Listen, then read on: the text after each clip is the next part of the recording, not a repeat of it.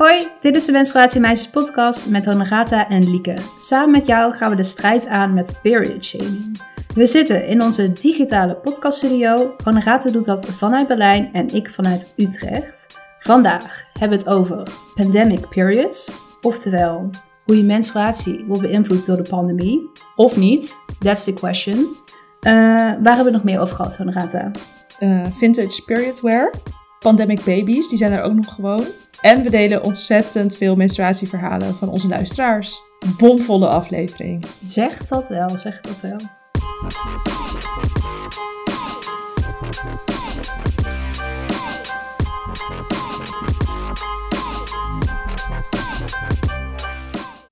Ik ga er gewoon keihard in duiken. Um, echt of nep, period wear is geen nieuwe uitvinding, maar bestaat al sinds 1930. Uh, nou, je hoeft eigenlijk niet zo lang over na te denken. Ik denk dat het gewoon echt is. Oké, waarom denk je dat? Ik kan me voorstellen dat dit een vrij eenvoudige oplossing is om bloed op te vangen, zeg maar. Dus daarom denk ik, ja, er zal vast wel al een variant hebben bestaan die hierop lijkt. Oh, wacht, maar het gaat natuurlijk dan om het uitwassen. Ja, zelfs dat vind ik juist oud aandoen of zo. Want vroeger zou je toch juist iets uitwassen in plaats van weggooien. Ja, nou, nou ik uh, haal, de spanning wordt me te veel. Het is echt. Dus je hebt een punt, dus het is 9-8 nu, denk ik. Nee. Wat dan? Het stond al 9-8. Nee, we stonden toch gelijk vorige keer? Nee. Of hebben we de score hetzelfde gelaten? Oh shit, dan heb jij nu 10-8 voor. Oké, okay, nou, ik, moet wel, ik dacht dat je dit niet ging raden. Ik dacht, oh, dat zou ik wel weten als menstruatiemeisje. Maar nee, heel logisch beredeneerd. En uh, gefeliciteerd met je punt. Nou, dank. Ga ik nog beter mijn best doen volgende keer. Ja, ik, ik loop nu helemaal uit. Ik weet niet, uh, gaat het nog goed? ja, um, ik zal nog even wat toelichting doen. In 1928 stond er een sanitary step in, uh, in een advertentie in een magazine. Dat was dus een ander woord voor period wear. Dat woord hadden ze toen nog niet. Het was een onderbroek met een rubberen kruis. Ik kon niet ontdekken hoe het precies in elkaar zat. En ik dacht, ja, rubber, dan heb je toch gewoon een soort van zak aan je kruis. En dat rubber neemt toch niet op, nee. dacht ik. Maar dat werd me niet helemaal duidelijk. Maar er waren echt verschillende producten die hiervoor bedoeld waren. Maar sommige leken onderbroeken waar je dan zo'n ouderwetse riem met clipjes en maandverband en alles aan kon hangen. Maar aangezien hier rubberen kruis zat, vond ik het wel heel erg lijken op period wear. Um, de slogan was The step in that adds no bulk. Dus uh, Mooi. mocht niet gezien worden. Nou ja, dat, uh, dat kennen we wel. Uh, en ik zal even een linkje en een plaatje in de show notes zetten. Oké, okay, nou dan uh, zal ik volgende keer een makkelijker doen. Dank je, graag. Echt gewacht op de dag waarop ik dit kon zeggen tegen jou. Omdat ik dat toen ooit tegen jou zei. Ja, precies. Oh ja, je bent, je bent echt iemand die dat al lang vasthoudt. Nou, helemaal goed. Zullen we dan naar het uh, menstruatiemoment gaan? Yes, dit menstruatiemoment mochten anoniem delen. Ik ga het nu even voorlezen. Hoi hoi, sinds kort luisteraar van jullie podcast en enorme fan. Wat de pandemie bij mij heeft veranderd is dat ik meer naar mijn lichaam ben gaan luisteren. Kwaaltjes waar ik al veel langer mee rondliep, maar die door de stress naar de achtergrond verplaatst werden, kwamen op de voorgrond en ik had eindelijk de tijd om antwoorden te zoeken. Uiteindelijk leidde dit ertoe dat ik na tien jaar ben gestopt met de pil en dat ik me zo ontzettend veel beter voel dan lange tijd. Ik heb de pil vanaf mijn 14e geslikt in verband met zware PMS en omdat ik een ontzettende hekel had uh, aan menstrueren. Ik heb de pil dan ook grotendeels doorgeslikt en menstrueerde dan vaak maar één keer per jaar. Ik lees even verder. Daarnaast wel vaak ontzettende hoofdpijn en daar vijf jaar medicatie voor geslikt. Een heftige depressie en heel erg last van temperatuurschommelingen slash opvliegers. Ik had er tot ik de rust had door de pandemie nooit over nagedacht dat het met de pil te maken kon hebben, maar ben me uiteindelijk in gaan lezen en nu drie maanden geleden gestopt. Sindsdien geen hoofdpijn of opvliegers meer en zoveel rust in mijn lijf en hoofd. En die menstruatie vind ik nu op mijn 24ste lang niet meer zo erg als op mijn 14e. Ik heb het idee dat ik mezelf nu opnieuw aan het ontdekken ben en lees van alles over menstruatie en luister dus met veel plezier naar jullie podcast. Zonder de pandemie had ik dit niet bereikt en waarschijnlijk de stap ook niet gezet om te stoppen. In mijn drukke studentenleven mijn menstruatie inpassen en weer aan wennen dat ik één keer per maand bloed had ik daar niet in vinden passen. Nu was ik thuis en kon ik dat dus in alle rust doen. Wat dat betreft was de pandemie dus life-changing. Ik begrijp dat wel. Waar ik dus meteen aan denk, naar aanleiding van dit verhaal, is als ik nu gewoon een menstruatiecup had uitgeprobeerd terwijl ik thuis was, had ik dat ook heel chill gevonden. Eh, en dat kun je alsnog doen hoor, want je kan het gewoon uitproberen als het bijvoorbeeld niet bloedt. Maar ja, het is gewoon heel comfortabel als je het onwetende pad op moet wat betreft je menstruatie. En dat je dan gewoon thuis bent. Ja, kan, kan me alleen maar voorstellen. Ja. En we kregen twee keer complimenten voor onze podcast. Dus die steken we ook gewoon in onze zak, toch? Jee, jazeker. Maar menstruatie in de, in de pandemie dus. Daar gaan we het uh, ook deze aflevering over hebben. Pandemic period. Exactly. Het begon allemaal bij het artikel van The Guardian afgelopen maart. Sowieso, The Guardian, ik weet niet hoe het bij jou zit, Honorata, maar hij heeft echt een speciaal plekje in mijn hart. Want zij maken zulke goede... artikelen. Je menstruatiehart? Ja, in mijn menstruatiehart. Zij maken zulke goede artikelen over menstruatie, dat, uh, dat kan echt maar één wat mij, wat mij betreft. Uh, dus dat is echt goed. En in maart ging het over pandemic periods. Het artikel heet Why Women's Menstrual Cycles Have Gone Haywire. No, no, no. En het verkent of de pandemie je menstruatiecyclus kan beïnvloeden en zo ja, op welke manier. Nou, eerst het antwoord op die eerste vraag. Beïnvloedt de pandemie je menstruatiecyclus? Antwoord is ja. Uit een onderzoek bleek dat 53% van de 749 vrouwen die werden ondervraagd veranderingen in hun cyclus ervaren. Uh, en dan komen er heel veel verschillende mensen aan het woord in het artikel over hoe dat bij hen zit. En dan eindigt het artikel met hoe dat precies kan. Namelijk door stress. Als je voortdurend stress hebt, kan het stresshormoon cortisol je voortplantingshormonen beïnvloeden, waardoor je cyclus kan veranderen en menstruatiegerelateerde klachten kunnen verergeren. Nou, dat, uh, dat artikel, dat, uh, dat is de intro van deze aflevering. en ik wilde nog iets toevoegen aan deze intro. We zagen Lisa's stories at Big Vegan Sister, waarin het onder andere ging over dat, hoewel de maatschappij weer toegankelijker wordt, de zaakjes toegankelijker, deze voor een grotere groep mensen ook juist weer minder toegankelijk gaat worden. En dat zette mij heel erg aan het denken, want ik heb deze periode ook heel veel geleerd, bijvoorbeeld over mijn PMDD, uh, daar kom ik zo nog wel op terug dankzij de pandemie of door de pandemie. En ook al willen we misschien allemaal deze hele situatie, panini, alles achter ons laten, zou het ook zonde zijn als we alle lessen die we hebben geleerd uh, over een maand alweer zijn vergeten. Dus gaan we het er nu goed over hebben. Nog één keer. Yes.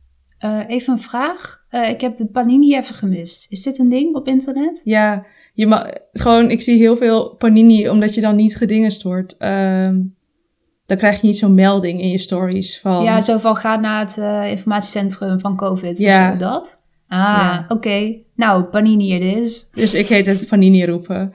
Ja, oké. Okay. Um, ehm, Lieke, wat uh, zijn jouw ervaringen tijdens de Panini, pandemie, Panini, whatever? Nou, ik heb dus gemerkt dat ik weer heb ervaren hoe erg mijn pijn is. Want vroeger, zo kan ik het inmiddels wel noemen als ik dan ergens heen moest, dan kon ik echt super goed managen van oké, ik ga nu pijnstillers nemen, weet je wel. Want ik moest wel een soort van, of ik moest thuis blijven. Uh, maar nu, doordat ik sowieso thuis was en ergens heen hoefde, werd ik denk ik luier met op tijd nemen van pijnstillers. Dus ik heb weer een paar keer mogen ervaren hoe erg mijn pijn eigenlijk is. En ik schrok daar best wel van. Ik had laatst een ervaring, heb ik al aan jou verteld, maar ik ga het gewoon hier nog een keer doen dat ik beneden aan de trap stond en ik was naar de, naar de wc geweest. Ik probeerde weer naar boven te gaan, uh, want ik lag dus in bed omdat ik heel veel pijn had. Maar toen kreeg ik een soort van, ja, tussen bewustzijn en niet bewustzijn in experience. Mijn oren hielden ermee op, ik kon niks meer horen. Dus ik stond echt op het punt om flauw te vallen van de pijn. Gelukkig niet gebeurd, maar toen dacht ik wel weer, oh ja, ja, nee. Mijn pijn is best wel heftig. Um, dus daar ben ik me nu heel erg van bewust. Ik denk niet dat mijn pijn per se erger is geworden door de pandemie. Um, maar ik kan er wel weer ook beter rekening mee houden. Um, en het is natuurlijk ook gewoon chill als je dan... Kijk, want ik kan wel pijnstillers nemen. Maar soms is er dan een korte vlaag van een paar minuten dat, dan, dat die pijn er dan toch een beetje doorheen sijpelt. En dan op werk zou ik dan normaal pokerface doen. Maar thuis kan je dan gewoon even op de bank zitten en thee drinken. Dus dat was wel altijd heel fijn. Oh, en ik heb denk ik niet echt veranderingen in mijn cyclus gemerkt. Um, want ik had het dus net over dat artikel en dat stress heel erg je cyclus kan beïnvloeden. Nu kwam mijn stress, ik heb wel stress gehad de afgelopen periode. You know, we know door het boek. Ehm, maar mijn stress kwam niet per se door de pandemie. Maar ik had laatst wel dat mijn cyclus echt voor het eerst echt zoveel afweek van mijn normale cyclusvariatie, zeg maar. Uh, en toen zaten wij ook echt in de meest stressvolle periode van het boek. Dus toen kwam ja, mijn menstruatie echt een paar dagen eerder dan verwacht. Dus ja, kwam niet door de pandemie, maar ik heb dus wel ervaren hoe stress dat kan beïnvloeden.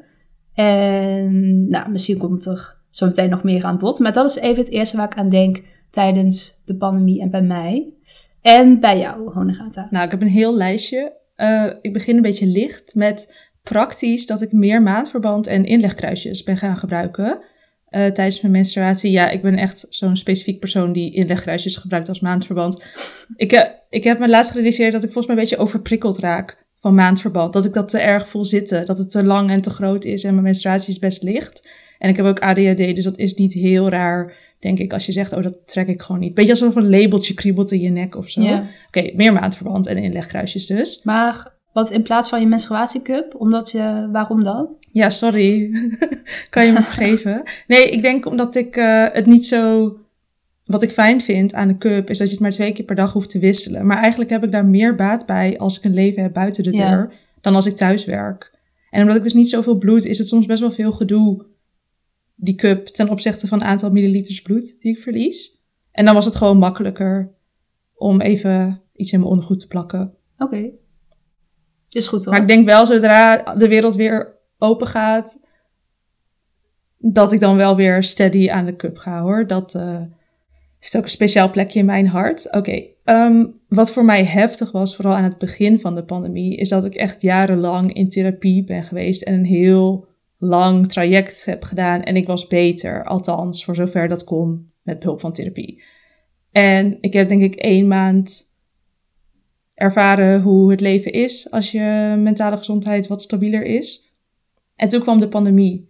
En daar was je, ik ga nu iets vertellen waar je bij was, maar uh, er was volgens mij het thuiswerken begon, helemaal in het begin. En we hadden een teammeeting en we hadden het er even over van hoe vindt iedereen het. En iedereen was in een hele praktische modus van, oh, uh, ja.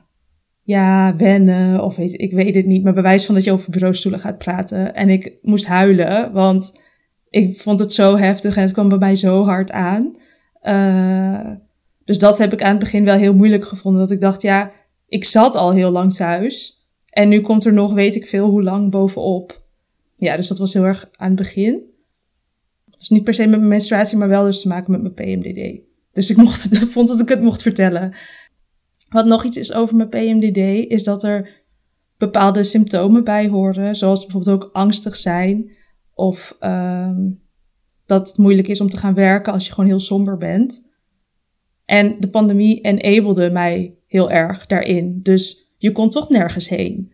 Uh, niet naar een café. En ik weet niet, misschien zijn er mensen die zich niet kunnen voorstellen dat je niet naar een café durft. Maar soms durf ik gewoon niet naar een café als ik heel angstig ben. En nu moet ik weer terrein terug gaan winnen. Terrein dat de pandemie van mij had afgenomen. Wat stiekem dan wel een soort van chill is ergens. Uh, maar dat is nu weer een hele strijd die ik weer opnieuw moet gaan doen. Dus dat vind ik uh, heftig. En ik heb nog een hele random ontdekking wat ik je al de hele week wil vertellen. Maar nou. even bijpraten hier in deze podcast. maar ik heb soms heel erg koude voeten en pijn aan mijn enkels en knieën. En ik dacht steeds dat dat kwam omdat ik dan blote enkels had. Oké, heel specifiek verhaal. Honorata heeft heel vaak blote enkels. Maar ik ben er laatst achter gekomen dat het samenhangt met mijn PMDD. En gewrichtspijn is ook een symptoom van PMDD. En dat had ik helemaal niet door dat het daarmee te maken had. En nu vind ik het vet irritant, want ik dacht eerst, oh, ik heb gewoon koude voeten. maar nu zo hoort het bij mijn PMDD. En ik kan wel lopen, dat, maar het is gewoon een heel zeurend, beetje groeipijnachtig uh, gevoel. Waar moet je lachen? Ja, omdat ik het ook heel specifiek vind. Ja. Ja, maar ik denk dat het dus zo makkelijk is om te denken, oh, dat hoort niet bij mijn cyclus. Ik dacht dat het was omdat ik blote enkels had. Ja. Maar ja, de helft van de tijd had ik blote enkels en was er niks aan de hand. Dus het was niet heel logisch dat ik het niet door had. Maar nu heb ik het wel door, dus dat vind ik wel interessant. Um, en we hebben ook een vraagsticker gedaan op Instagram. De vraag was, vul je iets op aan je cyclus? Was thuiswerken met menstruatiepijn fijn en ga je dat missen? Ben je andere producten gaan gebruiken? Iets anders wat je wilt delen of dat wij het bespreken? Nou ja, je mocht gewoon alles insturen. En we hebben ontzettend veel reacties gekregen. Dus die gaan we even delen. We hebben ze ingedeeld op drie onderwerpen, namelijk over comfort, over menstruatieproducten en over pijn. En we beginnen bij comfort. Omdat je nergens naartoe gaat, hoef je je ook niet druk te maken over of er wel toiletten zijn. Is zo fijn om in wijde joggingbroek te kunnen dragen tijdens thuiswerken met je menstruatie. Lekker warm kruikje tijdens het werken en ongegeneerd paracetamol op tafel. Tijdens thuisschool kun je makkelijker even snel naar de wc gaan dan op school. Ik vind vooral die ongegeneerd paracetamol opvallend. Ja, wat, waarom moet je daarom lachen? Ja, ik, ik, zie- ik zie nu duizend paracetamols op een keukentafel voor me. Dat, daar, daar moet ik gewoon even om lachen. Ja, wat ik me afvraag, is dat een ding? Want ik heb echt best wel vaak hoofdpijn. Dus ik loop altijd met paracetamol rond. Moet ik me daarvoor schamen? Ik wist niet dat dit een ding was. Nee, ja, dat weet ik eigenlijk ook niet. Ik zou ook zeggen, knal die paracetamol ook gewoon op je werktafel, op kantoor, op het thee. Maar misschien wel dat als je collega vraagt, oh, heb je hoofdpijn? Misschien dat dat dan niet wenselijk is of zo. Dat, dat je daar niet fijn bij voelt. Dat kan ik Ja, me ja, nog wel voorstellen. Al heb ik echt zoiets van, als mensen medicijnen slikken en ze roepen niet, ik neem paracetamol nu. Misschien gewoon even niks vragen, want dat is best wel persoonlijk. Of kan in ieder geval best wel persoonlijk zijn. Retweet. Oké, gaan we nu naar de antwoorden over menstruatieproducten. Ben gestopt met de pil, geen grote werkdruk meer, dus ruimte voor mezelf. Direct regelmatig. Met een feestmuts, emoji. Van tampons naar cup vanwege environment, maar met thuiswerk is het ook makkelijker uitproberen. Tijd voor rustig uitproberen van de menstruatiecup. Nooit meer wat anders. Thuiswerken is een wasbaar maandverband. Op kantoor lukt dat niet. Ja, die eh menstruatiecup, hè? Dat zei ik dus ook in het begin. Wat? Dus, eh wat? Ja, dat thuis uitproberen. Oh ja, ja. Maar mensen gaan ook naar wasbaar maandverband. En ik ga blijkbaar naar gewoon maandverband. En gewoon iedereen doet gewoon opeens andere dingen. Ja, jij gaat helemaal loesoe met je. Ja. Ik weet niet wat, wat er bij jou aan de hand is. Trouwens, ik realiseer me nu iets. Ja, die templiners, die heb ik ook echt alleen maar uitgeprobeerd door de pandemie hoor. Want als ik die in had moeten doen en naar werk zou moeten gaan, hmm, liever Nee. niet. Dus als menstruatiemeisje was het ook wel handig. Zeker wel, ja. Oké. Gaan we dan nu naar die over pijn? Ja, Thuiswerken was inderdaad heel prettig. Geen stress meer over op locatie werken met pijn. heel veel meer pijn, maar misschien wel minder lessen gemist dan anders. En enkele woedeuitbarstingen tijdens menstruatie. Hier vooral door de pandemie de kracht gevonden om op zoek te gaan naar waarom ik zoveel pijn heb tijdens mijn ongesteldheid. Thuiswerk was inderdaad heel prettig. Geen stress meer over op locatie werken met pijn. Ik ben me er meer van bewust geworden, aangezien het thuis rustiger was, dat mijn menstruatiepijn niet normaal is en daardoor ben ik naar de dokter gegaan. Na een keer afgewezen te zijn voelde het nog steeds niet goed en bij een andere dokter heb ik nu een verwijzing gekregen naar een gynaecoloog. Deze dokter dacht dat het endometriose is, dus ik ben blij dat ik toch door heb gezet bij de dokter. Ik wilde dit gewoon even delen. Dankjewel dat jullie account bestaat. En ik heb nog een hele leuke om mee af te sluiten. Die niet in het script staat. Oké, nou, spannend. Ja, sorry, die kwam, die kwam op het allerlaatst binnen. Dus sassiness was not needed. Ehm, Oeps. het antwoord was, lol, hij was er niet. Quarantaine baby. En dus de menstruatie was er niet. Dus dat kan ook nog. Dat kan ook nog, inderdaad. Nou, en wat kunnen we hier nu uit concluderen? Ik vind het moeilijk om te formuleren. Want eigenlijk zitten we er een soort van, ondanks dat we aan het eind zitten in Europa dan, eh, zitten we ook er een soort van nog middenin als je de nieuwsberichten ziet. Maar wat ik concludeer uit de berichtjes hierboven is dat het eigenlijk heel erg is dat we een pandemie te zaakjes nodig hebben om van producten of anticonceptie te wisselen of om te ontdekken dat de hoeveelheid pijn die je hebt niet oké is.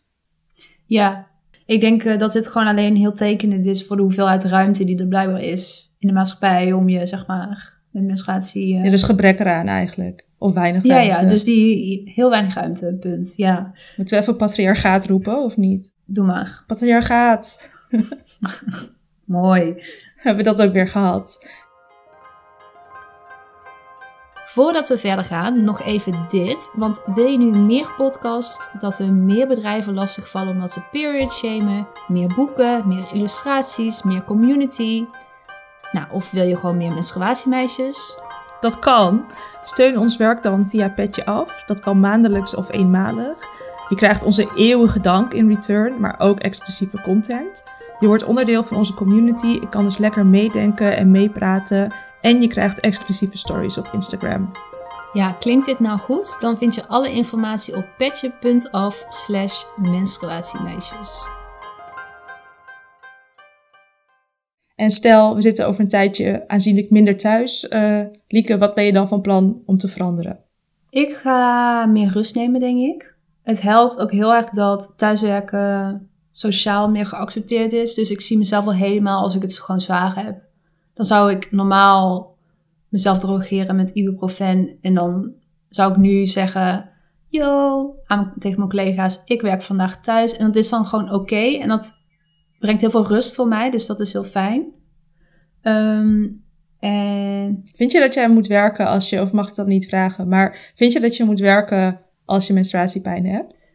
Um, nee, niet per se. Um, maar nee, het is ook niet dat, dat dat door externe wordt aangedreven of zo, dat ik dat moet of dat dat beeld gecreëerd wordt. Ik doe dat echt nog steeds zelf. Dus als ik ga werken, dan is dat mijn eigen keuze. En als het echt niet gaat, werk ik ook niet. Maar ik hang er vaak een beetje tussenin. En dat, die, ja, die sfeer vind ik nog een beetje moeilijk wat ik daarmee aan moet. Want anders ben ik ook heel vaak gewoon echt ziek. En ik weet niet.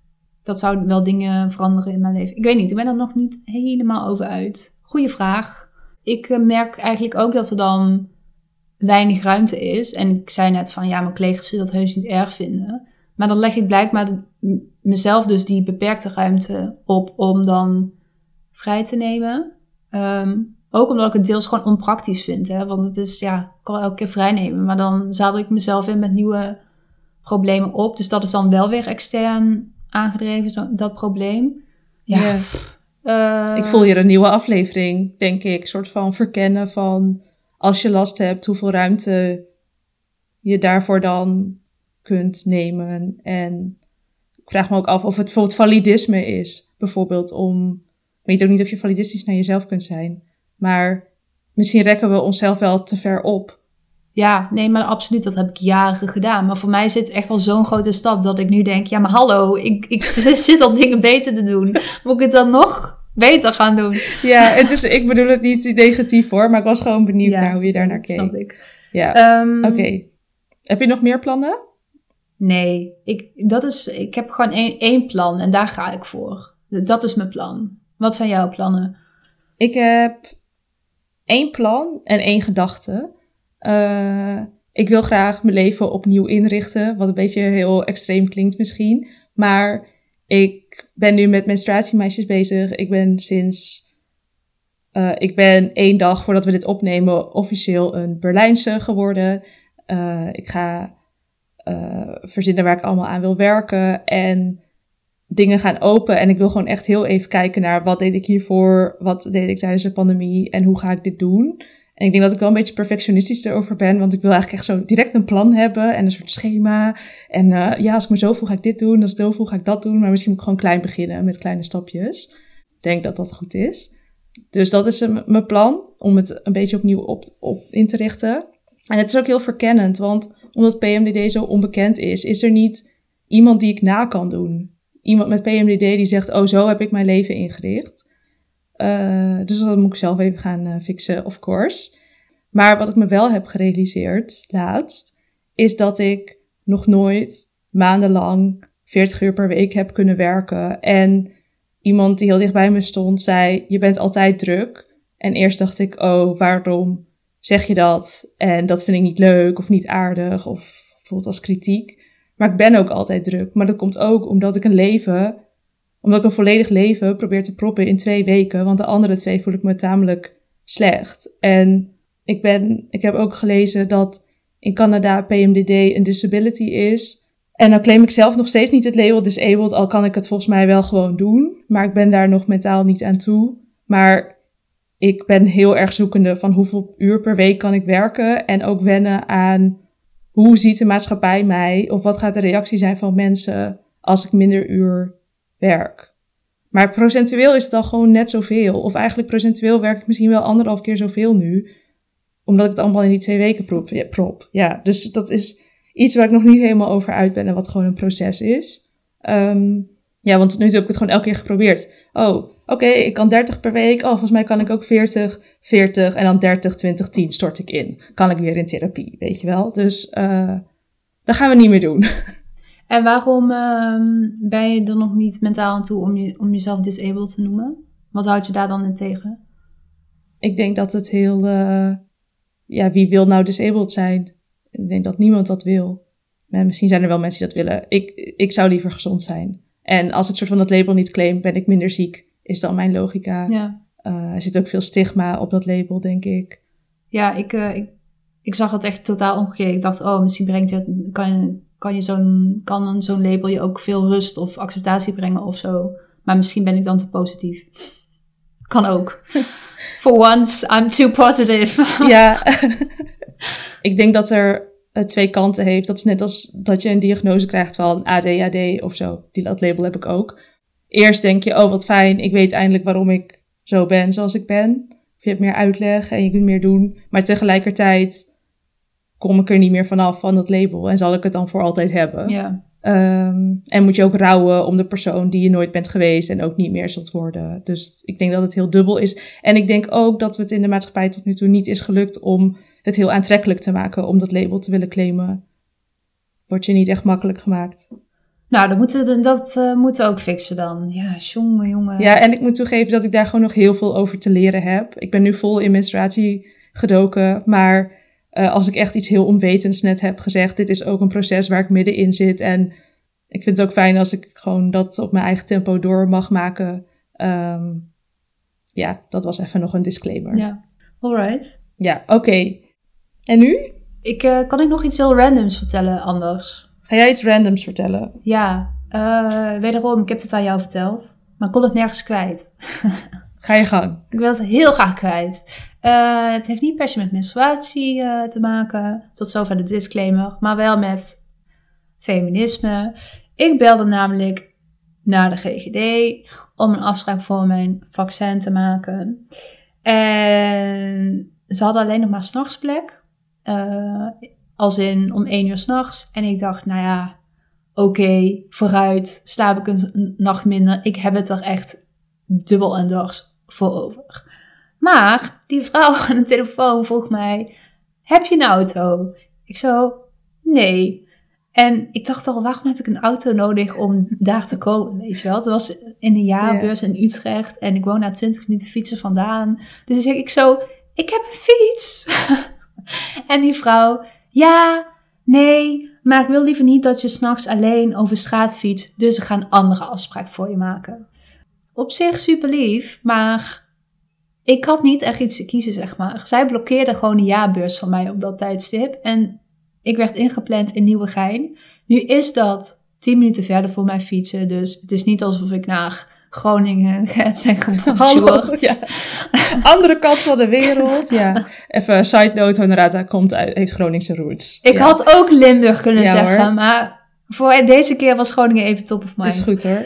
Um, dus het was niet zo erg. Maar ik vond het wel gewoon heel bijzonder dat, dat dit gebeurde. Ik mocht gewoon niet van die vrouw mijn vaccin halen. En toen dacht ik, oké, okay, wat nou als jij gewoon alle mannen dan thuis laat of zo? Waarom moet ik hier, waarom moet ik nu me aanpassen? Ik vond dat zo vreemd. Um, nou, wou ik even kwijt. Ik ben er ook nog niet over uit wel, ja, of dit nou iets goeds is. Is het nou raar? Ja, ik denk meteen van, dat stond vast niet in dat script. Dat je als persoon die afspraak kan inplannen nee. en plannen hebt. En ik denk dat het gewoon goed is als we daar gewoon niet te veel van af gaan wijken. Want dan is er heel veel ruimte voor persoonlijke interpretatie of zo. En het is een beetje zo, ja, moet je maar niet om één uur s'nachts over straat gaan, hè, als er dan zeg maar iets uh, gebeurd is. Ja, precies. Ja, ja nee. Dus uh, misschien als iemand ook zoiets heeft meegemaakt, let us know. Toch? Of, of misschien een duidelijkere mening, gezien wij een beetje niet helemaal eruit zijn. Ja, ik ben zo in de war over deze situatie. Ik stond ook echt met mijn mond vol tanden. Ik had helemaal geen weerwoord zo van, ik wil in de jaarbeurs, nu. Nee. Allemaal niet gebeurd. Ik was helemaal flabbergasted. Nou goed, uh, hebben we dat agendapunt ook weer gehad. Ja. Yeah. Dan gaan we nu naar de boekupdate. En de vraag van deze keer is... Lieke, welk stuk ben je het meest trots op en waarom? Je keek heel moeilijk. Ja, omdat ik me realiseer... Alsof je niet had voorbereid. Ja, ik realiseer me, ik wist dat jij dit ging vragen, maar ik heb er inderdaad niet over nagedacht. Ehm, dus hier bij mijn meest spontane antwoord, denk ik, ga even heel snel nadenken. welk, stuk zou je, welk stuk mag ik er echt niet uithalen? Als ik zeg, oh, deze moet er echt uit om deze reden. Welke zou je dan... Ja, ach, ja. Oké, dat werkt niet. Het is gewoon Nu, zelfde is- vraag. nu wordt de vraag alleen maar moeilijker, Ronata. Ehm ik wil eigenlijk twee dingen zeggen. Namelijk qua hoe, ja, ons hoofdstuk over het menstruatietaboe, daar ben ik echt heel trots op, omdat het zo nieuw is of zo. Want wij gingen ook proberen te zoeken hoe andere mensen daar dan over schreven, maar dat bestond niet echt. Dus ik vind echt dat we daar heel erg vernieuwend in zijn en agenda bedoelt hoe het taboe is eh, ontstaan, dat deel. ja, en ook hoe we het oplossen en Oh ja. wat je zelf kan doen en zo. Ik vind dat we daar een eh, heel, ja, gewoon nieuwe informatie bieden. Dus daar ben ik echt heel trots op. Maar het voorwoord heeft ook zeker een speciaal hartje in mijn, hartje in mijn plek. Mooi. Het is een speciaal plekje in mijn hart. Gewoon omdat ik het... dat Waarom? zit, ik denk dat onze persoonlijkheid daar heel erg in zit. En het is gewoon heel opzwepend. En ik vind het echt een verschrikkelijke woord. Maar je hebt wel zin om door te lezen of zo. En elke keer als ik het lees, dan moet ik weer lachen. ik vind het gewoon heel leuk. Oh, ik ben zo grappig. Ha, ha, ha. Ja, daar komt het ook een beetje op neer. Ja, I know. Hoeft hij op zich niet te zeggen. Jouw Nee. grappen zitten er ook in hoor. Ik lach ook om jouw Ja grappen. hoor. Ja, is helemaal goed. En eh, Ja. bij jou, wa- wat, waar ben Ja, jij je hebt- meest trots op? Wel een beetje mijn antwoord gestolen, maar ik heb het stuk waar ik het meest trots op ben, is het eh, ook het ontstaan van het taboe. Surprising. Eh, hoe we dat uitleggen met de geschiedenis erin, de menstruatieindustrie, de wetenschap, het patriarchaat. Daar ben ik gewoon heel blij mee. En ja, toen voelde het ook wel legit dat wij een boek schreven. Zo van, we hebben wel iets te vertellen. Ja. Ehm, en het stuk waar ik ook heel trots op ben, is het stuk over racisme in de gynaecologie. Omdat we daar gewoon het verhaal weer van een andere kant belichten. En ik ben heel nauwkeurig geweest in mijn woordkeuze en alles. Ook dat verdient dat onderwerp ook. Eh, we hebben het ook laten checken. Ehm, dus daar ben ik ook heel erg trots op. Daar wil ik ook zo graag een keer een aflevering over maken. Veel huiswerk voor ons. We moeten drie afleveringen alweer maken, hoor ik. Nou, was dat weer de zelfpromotie? Ja, toch? Ja, zeker. En dan gaan we nu naar de Gouden Cup. Elke aflevering reiken we de Gouden Cup uit. Dat kan van alles zijn als het maar taboe doorbrekend, period positive of gewoon heel goed is. En deze keer gaat hij naar Bloody Good Period. Dat is een Britse liefdadigheidsorganisatie die menstruatieproducten inzamelt om te doneren aan degenen die dat nodig hebben. Maar, nou, dat, dat is gewoon goed hè, dat ze dat doen. Ja, De Cup gaat wel naar hun campagne. Want ze hadden een tijdje geleden een campagne om dus eh, meer donaties eh, binnen te halen. En daarbij he- hebben ze een animatievideo gemaakt. En die is zo leuk. Ik heb hem net tien keer op rij gekeken. Dat, dat wil wel iets zeggen. En in die animatievideo zitten allemaal dagelijkse menstruatiezaken. Het is sowieso supergoed geanimeerd. En nou, gewoon zonder schaamte, heel bemoedigend. En dan hebben ze ook nog dat super bekende liedje van eh, Finally, ken je dat? nee, sorry. Finally, it happened to me. huh? Nee, sorry. Ik heb het nu gewoon gezongen en dan kijk je nog steeds erg je niet. best. Maar ze hebben, in plaats van finally, hebben ze typically ge- gedaan. En een eigen lyrics geschreven. En het is zo grappig. Nou, heb ik al gezegd, maar ik zeg het gewoon nog een keer. Ze zeggen bijvoorbeeld... Typically, I started to bleed at my new boyfriend's place at a new mattress lining. Ja, oké, maar als je dat liedje in je achterhoofd hebt, is Ja. het nog grappiger, hè? Ehm, zal ik hier gewoon een einde aan breien, want het is nogal chaotisch.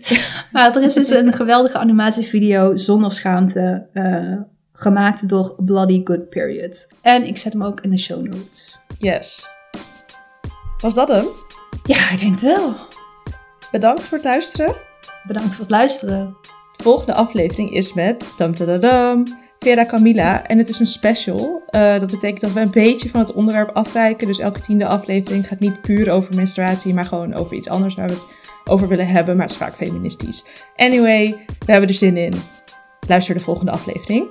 En ons kennende gaan we het waarschijnlijk toch wel een heel klein beetje over menstruatie hebben. Ik denk het ook. Toch? Ja. Um, vergeet ons ook niet te volgen op Instagram en Spotify, menstruatiemeisjes. En als je ook helemaal klaar bent met period shaming, tip dan onze podcast aan iemand. Of laat een leuke review achter, want dat is de beste manier om meer mensen deze podcast te laten ontdekken. Ik voel me echt zo'n sterreclame. Doei! Doei!